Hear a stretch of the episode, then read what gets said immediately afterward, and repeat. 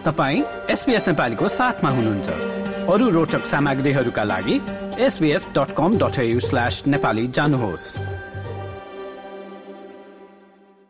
दुबईमा स्वनिर्वासित जीवन बिताइरहेका पाकिस्तानका पूर्व शासक परवेज मुशरफको उना अस्सी वर्षको उमेरमा निधन भएको छ।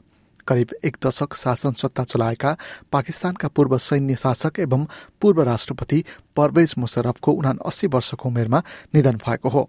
आफ्नो शासनकालमा जनताको राम्रै समर्थन पाएका मुशरफको पतनको कारण चाहिँ अफगानिस्तानमा रहेका तालिबान विरूद्ध लड्नु भएको केहीको विश्वास छ। इस्लामाबादमा बसोबास गर्ने साकी सागिलानी मुशरफले गरेका राम्रा कामहरूलाई यसरी याद गर्छन्। He ruled the country for eight and a half years, but he did not allow prices of essential items to go up. The governments that came after him, you know what they are doing. They're just doing whatever pleases them. He, on the other hand, was the one who governed very well.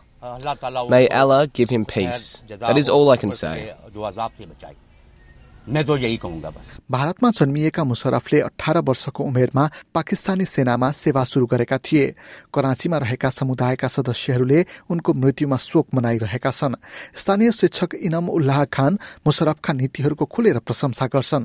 और वो enlightenment जो उनकी policy थी और liberalism की जो policy थी what a great man dies with Musharraf I mourn his death अर्का एक बासिन्दा इस्तिक अहमद पनि मुशरफको नेतृत्व र अहिलेको सरकारको नेतृत्वमा आकाश जमिनको फरक भएको स्मरण गर्छन् Pervez Musharraf was the asset of Pakistan and will be missed.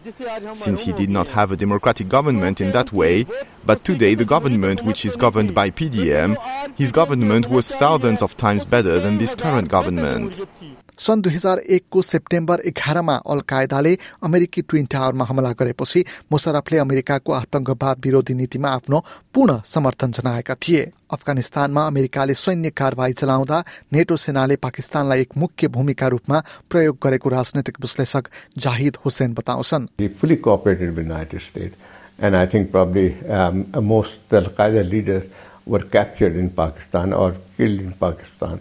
So that way, actually, he was a, he did support United States in fighting Al Qaeda. जसको बदलामा अल कायदा र अन्य इस्लामिक संगठनहरूले उनलाई आफ्नो निशाना बनाए। तीन पटकसम्म उनीमाथि आक्रमणको प्रयास भयो।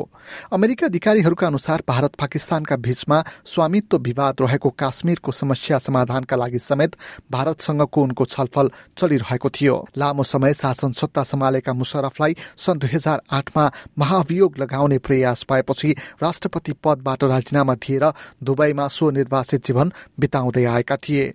सन् दुई हजार बाह्रमा राजनीतिमा फर्कन खोजेको भए पनि उनको यो प्रयास असफल बनेको थियो।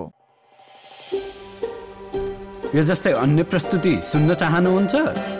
एप्पल पोडकास्ट गुगल पोडकास्ट स्पोटिफाईमा हामीलाई खोज्नुहोस् वा तपाईँले पोडकास्ट सुन्ने अन्य सेवामा।